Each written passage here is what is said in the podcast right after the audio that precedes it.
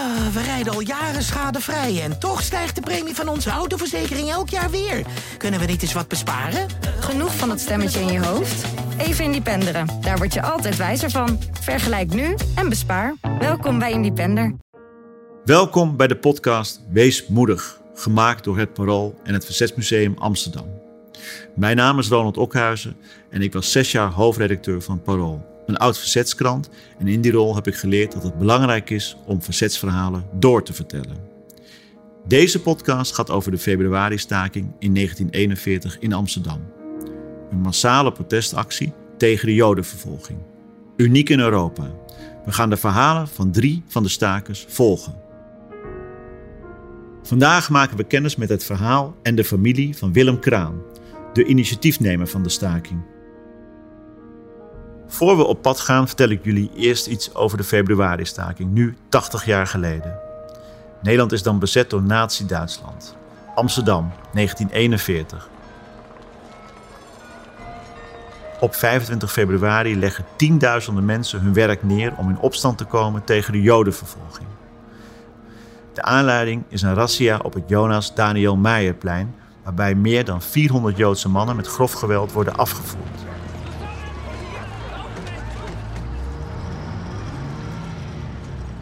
Vele verontwaardigde mensen gaan door de straten van Amsterdam en ook buiten de stadsgrenzen wordt gestaakt. De februari-staking gaat de geschiedenisboeken in als de enige massale en openlijke protestactie tegen de Jodenvervolging in Europa. Een historisch moment voor solidariteit, maar tegen welke prijs? De Joden zijn er niet door gered en sommige betrokkenen zijn zwaar gestraft. Willem is op 23 februari, de tweede dag van de razzia, onderweg naar zijn familie vlak bij de Joodse buurt. Hij ziet met eigen ogen hoe de Joodse mannen met grof geweld worden opgepakt. In tranen vertelt hij zijn kameraad Piet Nak wat hij heeft gezien. Samen besluiten ze dat het moment is gekomen om in opstand te komen. Ze stappen op de fiets en roepen collega's, vrienden en kennissen op om te staken. S'avonds bezoeken ze de Amsterdamse partijleiding van de Communistische Partij en die neemt het initiatief over. Na een korte vergadering op de Noordermarkt weten alle aanwezigen wat hen de volgende dag te doen staat. Ze brengen de staking op gang en met succes. Het ene na het andere bedrijf sluit de deuren. Opgewonden trekken groepen stakers door de stad. Maar Willem wordt opgepakt. Hij zit eerst gevangen in het Huis van Bewaring in Amsterdam, vlakbij het Leidseplein. In november wordt hij naar de Kriegsweermachtgevangenis in Utrecht gebracht. Hij mag zijn vrouw en dochtertje een brief van één kantje schrijven. Het is hard dat ik niet in jullie midden ben, hoe lang het ook mag duren, hetgeen ik niet geloof. Beloof mij beiden dat jullie niet verdrietig zullen zijn, niet huilen en sterk en gezond zullen blijven. Want Bets en Katrien, jullie Willem is ook zo gezond als een vis en denkt steeds aan jullie. Dat zijn opbeurende woorden maar in werkelijkheid wordt Willem zwaar gemarteld en mishandeld. Pas in juli 1942 wordt hij samen met een groep verzetsmensen berecht. Willem wordt ter dood veroordeeld. In zijn afscheidsbrief schrijft hij zijn vrouw Bets vooral over hun zevenjarige dochtertje. Ik heet Kraan. En ik wil en ik zal tot aan de laatste seconde aan toe een kraan zijn. Ik hoop dat jullie allen, en wel voornamelijk jij Bets, die naam eer aan zal doen. Want jij bent het die je verdere leven zal zorgen voor het hoogste en liefste dat ik bezit. Onze schat. Te zorgen als man en vrouw. Trini zal nu nog niet begrijpen waarvoor ik val. Maar jij vertelt het haar natuurlijk, wanneer ze iets ouder is. Want anders zou ze zich nog schamen voor haar papi. En dat hoeft niet hoor, want een verrader ben ik niet. Ik val voor mijn ideaal. En ik hoop dat dit niet voor niets is. Vandaag het verhaal van Willem Kraan. En uh, ik zit hier met uh, Frank Kraan, de neef van Willem, zoon van Willems broer. Ja. Kan je iets vertellen, Frank, over uh, jullie familiebanden en wat de heldendaad, maar ook het grote offer wat Willem heeft gebracht voor jullie heeft betekend? Um, ja, mijn vader, Frans, was de broer van Willem. Um, toen mijn vader leefde, hij is overleden in 1983. Voor die tijd uh, ben ik vaak met hem uh, bij de familie in Amsterdam geweest. Maar um, er was altijd dus zeg maar een soort, uh, een beetje een spanning tussen mijn vader en mijn moeder over de familie. En dat, dat is... en hoe uitte zich dat? Um, mijn moeder ging in ondertrouw, vertelde zij. En toen waren ze bij het gemeentekantoor en toen bleek mijn vader katholiek te zijn. En dat vond ze nou, blijkbaar niet goed. Vond ze niks. Dat vond ze helemaal niks. protestant of Nederlands hervormd. En dus mijn vader moest zich uitschrijven. En mijn vader zei: Ik ben helemaal geen katholiek. Ik, ja, ik kom gewoon uit een arm gezin. En als je in een katholiek ziekenhuis werd geboren, dan was dat gratis. Dat was zijn argument. Nou, uh, toen waren ze getrouwd. En op een gegeven moment kwam mijn moeder erachter, toen ze in Amsterdam was bij de familie, dat hij ook nog uit een communistisch nest kwam. En toen voelde ze zich helemaal bekocht, om het zo maar te zeggen. Dus dat. Uh, mijn moeder had altijd een beetje moeite met de Amsterdamse familie. Uh, maar ik ben er wel uh, vaak geweest met mijn vader en ook soms met mijn moeder erbij. En ja, dan. Ja, bij mijn thuis, bij mijn ouders thuis, werd eigenlijk niet over de februari-staking gesproken. Maar als ik bij de familie in uh, Amsterdam was, dan werd er altijd wel iets over opgemerkt. Of een frustratie of iets. En uh, ja, zo, zo ben ik een beetje iets te weten gekomen over, over Willem. En ik vond dat zeg maar wel ja, intrigerend natuurlijk, dat verhaal. Maar mijn vader, die wilde, uh, ja, die wilde dat ook voor zichzelf houden. Hij wilde niet naar herdenkingen toe. Hij wilde er eigenlijk helemaal niks mee. Hij zei altijd: Ik, ik gedenk hem in mijn gedachten. Maar ik zal niet naar een of andere herdenking gaan. En, uh, en had dat te maken met, uh, zeg maar, omdat jouw ouders dat probleem hadden hè, van het uh, de geheime, zeg maar, katholieke achtergrond. en dan bleek er nog, kwam er nog communisme bovenop. Werd het, zeg maar, om die reden ook, ook dat, dat gedeelte vanuit de oorlog nee. min of meer stilgezwegen? Of had het met iets anders te maken? Het, het had ook te maken met ja, de pijn die er zat. De, en de, en de, en de uh, ja, die hele oorlogssituatie, dat heeft van alles betekend, denk ik, voor mijn vader. Ehm, hij heeft niet alleen zijn broer Willem verloren, maar ook zijn broer Gerrit. Die is in, uh, in, in Indonesië ge gestorven. Ehm, en ja, dat kwam op bevrijdingsdag naar boven. Um, en er waren dus toch wel wat spanningen in de familie. En weet jij niet, als jij bij die Amsterdamse familie kwam en die verhalen langzaam maar zeker ontdekte, en onder andere ontdekte over, over Willem en zijn, en, en zijn ja, uh, heldendaad, uh, was dat niet gek om er zo indirect achter te komen? Ja, ergens zat dat op de achtergrond steeds. En er kon niet over gesproken worden. Dus Uh, nou, ik kon er ook niet met mijn moeder over praten. Dat was, dat was natuurlijk ook het rare. Toen mijn vader overleed, toen, nou, om zo maar te zeggen, ging ik een beetje los uh, wat dit betrof. Dus dat was in 83, hè? Zei je. Ja, daarna ben ik naar de herdenking van de februari-staking gegaan. Daarvoor dus niet? Was dat Daarvoor niet. Het was no-go. Uh, mijn vader zei ook van, word vooral geen lid van een politieke partij. Doe dat niet. Er komt alleen maar ellende van. Dus alles wat met politiek te maken had, dat, dat, dat moest uit de buurt blijven. Uit de buurt blijven, die herdenkingen. Uh, dus nou ja, daarna ben ik uh, dus naar die herdenkingen gegaan. Ik ben lid geworden van een politieke partij. Maar heel kort trouwens, want het had toch ergens gelijk, vond ik. dus ja. Um, um, ja, ik, ik, ik ben me er toen voor gaan interesseren. En ik heb toen ook mijn moeder wel geconfronteerd van ik, ik, ik, snap jou niet. Wat hij heeft gedaan, dat, dat, ja, dat is toch eigenlijk wel heel bijzonder. Uh, uh, mijn moeder heeft uh, twee keer Joodse onderduikers in, in een, in een portiekwoningje gehuisvest. Mijn moeder woonde toen met haar moeder in een, in een portiekwoning in Den Haag. En daar hebben ze twee keer een, een, een Joods stel, of een echtpaar, uh, gehuisvest. Wat ik vertelde over mijn moeder, dat, dat, ze, ja, dat was ook de, de tijdgeest van anticommunistisch. En dat heerste ook in de, in de jaren zeventig, waar ik dan nu even over gepraat, bijvoorbeeld.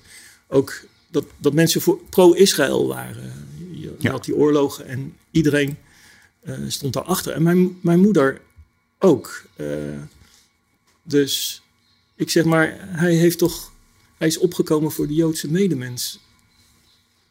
Ja. Ik snap niet dat jij daar niet, niet positief naar kan kijken. Dat heb ik gewoon keihard eh, gezegd tegen haar. Maar nee, En, en, en heb dat, je- dat is voor mij onverklaarbaar. Ja, dat heb je niet kunnen achter, achterhalen of kunnen doorgronden waarom zij daar problemen mee hield. Ja, nee, nee, nee. Dus eh, ja, ik- mijn vader, eh, zijn zus Tini, waar ik het over had, die was getrouwd met de kameraad van mijn vader, Rinus. En daar was mijn vader dus heel dik mee. En, en die zat ook zeg maar in het communistisch verzet. En, ehm, en die was op een gegeven moment, zat hij bij een papiergroothandel in het magazijn. En, ehm, en mijn vader, die had een, een kar. Hij- mijn vader die werkte eh, voor een boekbinder, maar die was opgepakt op een gegeven moment. En mijn vader had dus geen werk meer, maar hij had wel die kar. En dan werd er s'avonds werd er een papierrol in die kar geladen en afgevoerd. En zo verdween er steeds bij die papiergroothandel papier. En ja, dat zou op een gegeven moment wel een keer uitkomen dat die magazijnmeester daar wel min of meer verantwoordelijk voor was. Dus Rinus heeft zich toen vrijwillig gemeld voor, om te gaan werken in Duitsland. Om zo Ja. daaraan te ontkomen. Maar dat, ja, als we daar in de jaren zeventig kwamen, dan was dat, zat het communisme bij deze man er nog wel in, om het zo maar te zeggen. En dat knetterde dan wel eens als mijn moeder daarbij aanwezig was. Dan, Ja, eh, die dan wel tegen elkaar in, ja. Ja, en, en Ja. Die, die, die is daar ook niet milder dus over geworden. Nee, nee, nee. En het is wonderlijk, hè? want de, de, de basis van, van het verhaal waar we hier zitten is het verhaal van Willem en de, het initiatief tot de februari-staking, wat eh, zelfs eh, in de Euro- Europese geschiedenis een bijzonder moment is. Ja. Maar het heeft dus eigenlijk in, in, in, in jullie familie nou niet geleid tot een, alleen maar een gevoel van grote trots en, en, en iets van waar je met alleen maar warmte op terugkijkt, of trots in elk geval. Er, zijn natuurlijk ook, er is ook natuurlijk een groot offer gebracht. Willem is vermoord, maar ik bedoel, het gaat ook over toch dat daarna de boel een beetje uit elkaar is gespat. Ja. Ja, ja, die oorlog heeft veel kapot gemaakt. Dat heb ik ook eh, gezien in de familie van mijn moeder. Daar is eh, ook met broers eh, problemen ontstaan. Eh, dus daar vonden ze elkaar we- weer wel in, mijn vader en mijn moeder. Eh, wel getekend allebei door de, de oorlog, denk ik. Ja. Ehm, ja, ja ik, wat ik zei, na het overlijden van mijn vader ben ik wel in die februari-staking gedoken, om het zo maar te zeggen. Ja. Daar ben ik me daarin gaan verdiepen. En ja, ik heb daar. Ja, bij een staking denk je altijd van, nou ja, dat gaat om geld, dat gaat om eh, betere arbeidsvoorwaarden. Maar wat er gebeurd is, is dat, dat, dat de, ja, de stakers, de Amsterdamse bevolking, eh, niet voor zichzelf hebben gestaakt. En, en ja, dat vind ik toch heel bijzonder dat ze voor een bevolkingsgroep zo massaal opkwamen. Dus dat, dat, dat is een heel bijzonder feit, dat blijf ik vinden. Ja. En, en eh, ja, dus jij- dat, dat, je- dat, is... en wat heeft dat daarna, eh, eh, na de dood eh, van jouw vader? Jij zegt, ben ik gaan, eh, eigenlijk gaan compenseren. Hè? Dus ben ik er wel in gedoken. En ben Ja. zelfs even lid geworden van een politieke partij. Nou, dat had je dan snel weer gezien. Maar, eh, eh, en nu, 80 jaar later, zeg maar 80 jaar na die februari-staking... en, en nu je vader ook alweer lange tijd eh, dood is... Ja, Eh, ja. Je hebt meer afstand zelf ook tot die materie. Hoe, hoe kijk je nu naar zo'n februari-staking en naar de rol daarin van jouw familie? Ja, de, de tijd heelt veel wonden, denk ik, toch wel. Ehm, het, het is een heel roerig verhaal geweest, hè? Die, die, die naoorlogse jaren eh, met ehm, ja, de communistenjacht, eh, de, de problemen van eh, ja, het ijzeren gordijn, alle spanningen die er waren. En ook hoe de CPN met het verhaal is omgegaan. Ik weet dat er een boek op een gegeven moment uitkwam van de CPN, geschreven door meneer Maas. En mijn vader had dat gelezen en die eh, zei van, ja, hier, klopt echt niks van. Dit is allemaal verdraaid. Dus ja, dat, dat, ook die CPN die heeft na de oorlog eh, niet lekker gehandeld in, in dit verhaal. En ja, er zijn diverse, op een, bepaald moment waren er, waren geloof ik wel drie herdenkingen van de februari-staking. Omdat iedereen zijn eigen versie had. Eigen versie en eigen verhaal erbij had. En dat is er natuurlijk wel afgegaan. En uh, ja, de, de, de wereld, daar, daar is ook niet meer het spanning tussen het kapitalisme en het communisme. Nee, het is, het is nu een en al het is even weg, zal maar zeggen. Laat ik het zo eh, formuleren. Uh, dus ja, het is een andere tijd, een andere generatie. Hè? Want ja, ik heb het niet bewust meegemaakt. En dan, ja, dan, dan, dan denk ik dat je het wat meer in de juiste proporties ziet. En dat, ja, dat, dat de uh, februari-staking op zich iets, iets bijzonders is geweest. En, uh, ja, en achteraf kan je inderdaad verhalen houden van wat heeft het opgeleverd. Helemaal niks natuurlijk. Nee, in de zin van dat er het juist heeft, uit Amsterdam extreem veel Joden zijn uh, ja, gedeporteerd en vermoord. Ja, misschien hebben de Duitsers wel laten zien hun, hun ware aard en was iedereen daardoor geschrokken. Uh, maar aan de andere kant heeft het toch een, een symbolisch waarde. En, Zeker. Uh, ja, ik weet. ik kwam dan bij, eh, bij de broer Hein of Henk van mijn vader en die vertelde dat, die, dat daar een, een een Joodse arts hem nog steeds wilde behandelen. Erop stond dat zijn oude huisarts, de man was 90 jaar. En die oom van mij dacht van, wat wil die man nog van mij, aan mij helpen om, met mijn klacht? Dat, daar heeft hij helemaal geen kijk op, maar dat, dat vond hij prima. Maar die, die man die stond er met zijn 90 jaar op dat hij nog, ja, dat hij, als hij een klacht had, bij hem kwam. Dus ja, er, er zit wel een symbolische... Als een soort dankbaarheid. Zo, toch een dankbaarheid van... Ja, dat, dat er in ieder geval iets, een, een poging is gedaan om, om, om, om hier iets, ja, iets tegen te doen. Tegen de jodenvervolging. En het beeld wat je schetst van een familie, hè, dat gaat ook over echt wel toch verscheurd zijn. En mensen die elkaar toch een beetje bevechten. Hè? Ja. Heeft dat, heeft dat in het, is dat inderdaad een gevolg van, uh, van uh, de offers die zijn gebracht in de oorlog? Of heeft dat misschien meer te maken met dat, het, dat, dat het, de idealen van het communisme zijn, waren verworden tot een, nou ja, een, een grote discussie en uiteindelijk uh, durfde niemand meer hardop te zeggen dat hij communist was. Terwijl het natuurlijk begon met het grote ideaal van eerlijk alles delen. Ja, ja, ja. Ja, de, de, er zat een, een soort pijn. Ja, ik krijg daar natuurlijk ik kreeg daar ook niet de vinger achter. Uh, uh, er zat, ja, ja, heel veel pijn. Je hoort altijd als, als ouders allerlei bezonjes hebben dat de kinderen dat meenemen. Hè? Is dat bij jou ook gebeurd of heb je dat kunnen afschudden? Ja, voor, voor mijn gevoel stond, ja, stond ik er wat verder vandaan, inderdaad. Uh, maar ja, ik ben er wel, uh, nou, wat ik zei, uh, toch een beetje door besmet geraakt. Dat ik wel wat. Maar meer in goede zin, dus, hè? Ja, ik kan, ik kan niet zeggen dat ik mezelf als beschadigd beschouw. Nee, nee. Nee, daar zit, er zit nee. te veel tijd tussen om dat te, te voelen. Precies, precies. Ja. ja. En je bent nu ook, ga je nu ook altijd naar de februari-staking toe en sta je daar dan met nou ja, zekere ik, trots? Uh, of, of sta je daar gewoon zoals zoveel betrokken mensen gewoon uh, te gedenken? Ik moet zeggen dat, dat ik daar dus dan altijd heel moeizaam sta. Omdat ik weet dat mijn vader uh, ja, dit, ja, dat, dat, hier geen boodschap wilde. aan had en, en, en, en, absoluut daar niet naartoe wilde. Dus ik sla rustig jaren over en dan ga ik weer. Um, en ja, dan sta ik aan de buitenring er naar te kijken. Ik loop soms dan nog ineens langs. Ja, ik sta daar heel. Dubbel. Je staat niet als een kraan uh, in het, uh, in het VIP-vak, zeg maar. Nee, nee zeker niet. Um, waar ik wel achter kwam op een gegeven moment, was dat er een herdenking is in Soesterberg, waar Willem gefusilleerd is. Ja.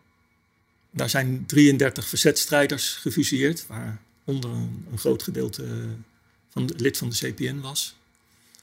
Uh, en dat, dat vond, daar, daar ging ik altijd wel naartoe. Uh, ja. Toen ik erachter kwam dat dat was, dat dat bestond. Uh, dat, dat is, is, gelegen op de, op de voormalige luchtmachtbasis Soesterberg. Dus daar kon men eerder niet bij. Maar waar ze gefusilleerd staan, zijn, is een, simpel houten kruis. En eh, ja, daar wordt dat nu jaarlijks herdacht. En dat gebeurt met een eh, school met, uh, met kinderen die dat dan begeleiden. En ja, dat heeft iets kleinschaligs, iets, iets op de mens gericht en zonder de politieke context van de herdenking van de februari-staking. Dus daar, daar ga ik wat trouwer naartoe, maar ook daar heb ik ook geestelijk weer toch moeite dat ik er ben. Omdat ik weet dat mijn vader ja, dat zelf niet zou hebben gedaan. En ben je daar verbaasd over dat dat zo lang doorwerkt? Want het, eigenlijk, ja, ja het, is eigenlijk dat, uh, heel, heel dominant aanwezig dus nog. Die, ja, die, die, dat, dat, dat zit uh, die gedachten, die denkwijze, zit er gewoon bij mij ingeramd. Ja. En heb jij inderdaad geen herinneringen aan, aan uh, bedoel, je zei, er werd niet over gesproken. Het lag sowieso al gevoelig door uh, het huwelijk van jouw ouders, omdat het er allemaal onder zat. Hè? Het communisme, het katholieke, katholicisme. Uh, heb jij inderdaad tot 1983, toen je vader overleed, daar dus helemaal wel eens een gesprek over gehad? Of zeg je van, nou joh, dat, dat, dat maak je geen illusies, dat was gewoon een no-go area? Nee, het, het, ik zocht altijd wel aanknopingspunten om een gesprek te beginnen. Dus als de, de herdenking op de tv was, dan probeerde ik wel iets los te maken. Maar ja, daar was mijn moeder ook weer bij, dus dan voelde je dat. Heel ingewikkeld eigenlijk. ja, ja. Um, maar de, ja, de, ja, dus wat ik zei, um, ik heb het meeste opgepikt door de bezoekjes aan, aan, uh, aan familie in Amsterdam. Die daar dus anders mee omgingen? Nou, tussen de broer en, en, en, de zus waar hij dan, de zussen waar hij dan mee sprak, daar, daar kwamen opmerkingen. En die opmerkingen die pikte ik op. En, uh, Wat waren dat voor opmerkingen? Ja, nou ja, diverse. En, uh, maar bijvoorbeeld ook uh, op een gegeven moment is dus de, de Willem Kraanstraat uh, daar is dat beeld onthuld. Ja, en daar, daar, daar, de antifascist. En daar ben ik blijkbaar zelf ook bij geweest als klein kind, maar dat kan ik me niet herinneren. Um, maar um, nou ja, later dan, dan ving ik uh, flarden op van ja, die straat, dat, dat, dat stelt er nou voor. Uh, toen de tijd waren er geen huisadressen, dus er waren geen woningen. De woningen stonden met de rug naar de straat toe. Er is nu ondertussen wel een soort eh, nieuwbouw geweest, waardoor er wel huisadressen zijn, maar dat, dat was er niet. En dat beeld, ja, dat was geen Willem. Dus dat gaf ook frustratie van, ja. En, en dat zal ongetwijfeld ook wel te maken hebben gehad dat het toch in die jaren allemaal gevoelig lag dat het communistisch was. Het communistisch verzet, uh, ja, had, had zich bewezen. Maar het lag allemaal niet, uh, niet lekker. Ik bedoel, ik kan de schuld uh, neerleggen bij mijn moeder, hoe zij over het communisme dacht, dacht. Maar dat zat natuurlijk in de hele samenleving. Zeker, ja. ja. Een, een, hele westerse wereld eigenlijk. Ja, ja, ja. ja, ja. En daardoor werden eigenlijk ook de, de heldendaden besmet achteraf. Hè? Omdat het werd dan verward, met het, of verward en gemengd met het communisme. Waardoor het niemand meer keek naar de, de moed die mensen hebben gehad natuurlijk om op te komen voor andere mensen. Want dat staat los van je ideologie. Moet je dat maar doen natuurlijk. Ja, en, uh, ja, en zo heb ik ook wel uit de flarden wat een beeld van Willem gekregen. Uh, er is een interview geweest met Piet Nak in de Haagse Courant. Uh, achteraf bleek dat mijn vader dat interview had bewaard. En ik, kende dat, ik wist dat het interview bestond en ik heb dat een keer opgevraagd bij de Haagse Courant. En later, nadat hij overleden was, vond ik dus dat hij dat zelf ook had bewaard. Had het toch bewaard? Ja. Maar daarin, of, daarin, of, of misschien uh, met, met de Jong, dat er toen een documentaire op de tv was. Uh, werd, Doe de Jong, werd, ja. Doe de Jong werd Willem beschreven als een, ja, een beer van een vent en uh, keihard. En, en, nou, dat was helemaal niet waar, zei mijn vader. Het was een. Wie beschreven werd, was Hein, de andere broer. Dat was een beer van een vent.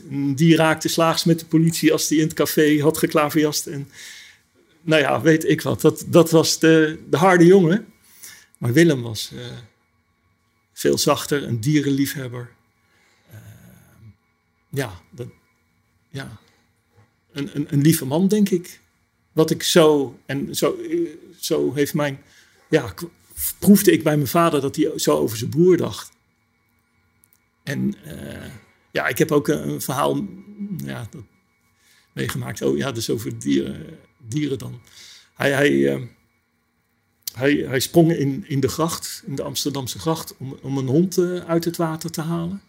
En in die tijd was dat niet iets. Willem.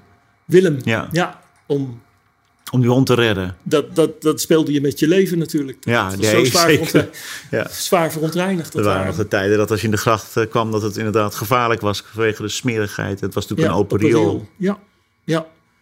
En, eh, nou ja, en dan de harde broer, die vertelde dus een verhaal dat, dat ze kippen hadden. Ik weet niet hoe ze eraan kwamen, of ze ergens hadden gered. Of... Maar daar moesten ze iets mee. En nou, die moesten gedood worden. En dat kon Willem niet. En die andere harde broer, die moest dat dan opknappen. Maar die zei, dat was toch ook een dierenvriend. Want Als ik daar kwam, was er altijd een bokser. Ehm, en ja, die heeft zich helemaal moeten bezatten om, om die kippen op een of andere manier te verdrinken. Of hoe ze dat hebben Ja, gedaan, dat de weet kop ik afhakken. Ja. Ja. ja. Dus de, ja, Nee, Het waren geen, eh, geen eh, ruige kerels, zeg maar. nou ja, die, die, die, die Hein dus wel. Ja. Maar ja, En dat is natuurlijk ook eh, de geschiedschrijving. Hè? Dat, hoe, hoe, nu zijn we wat preciezer, dan kunnen we alles eh, opzoeken en archiveren. Maar destijds ging het natuurlijk vaak van mondelinge overlevering. Dus als iemand vertelde, het was een ruige kerel, maar het was dan toevallig zijn broer. ja, ja, Ja, dan, dan is dat voor je het weet voor eeuwig vastgelegd. ja, ja. ja.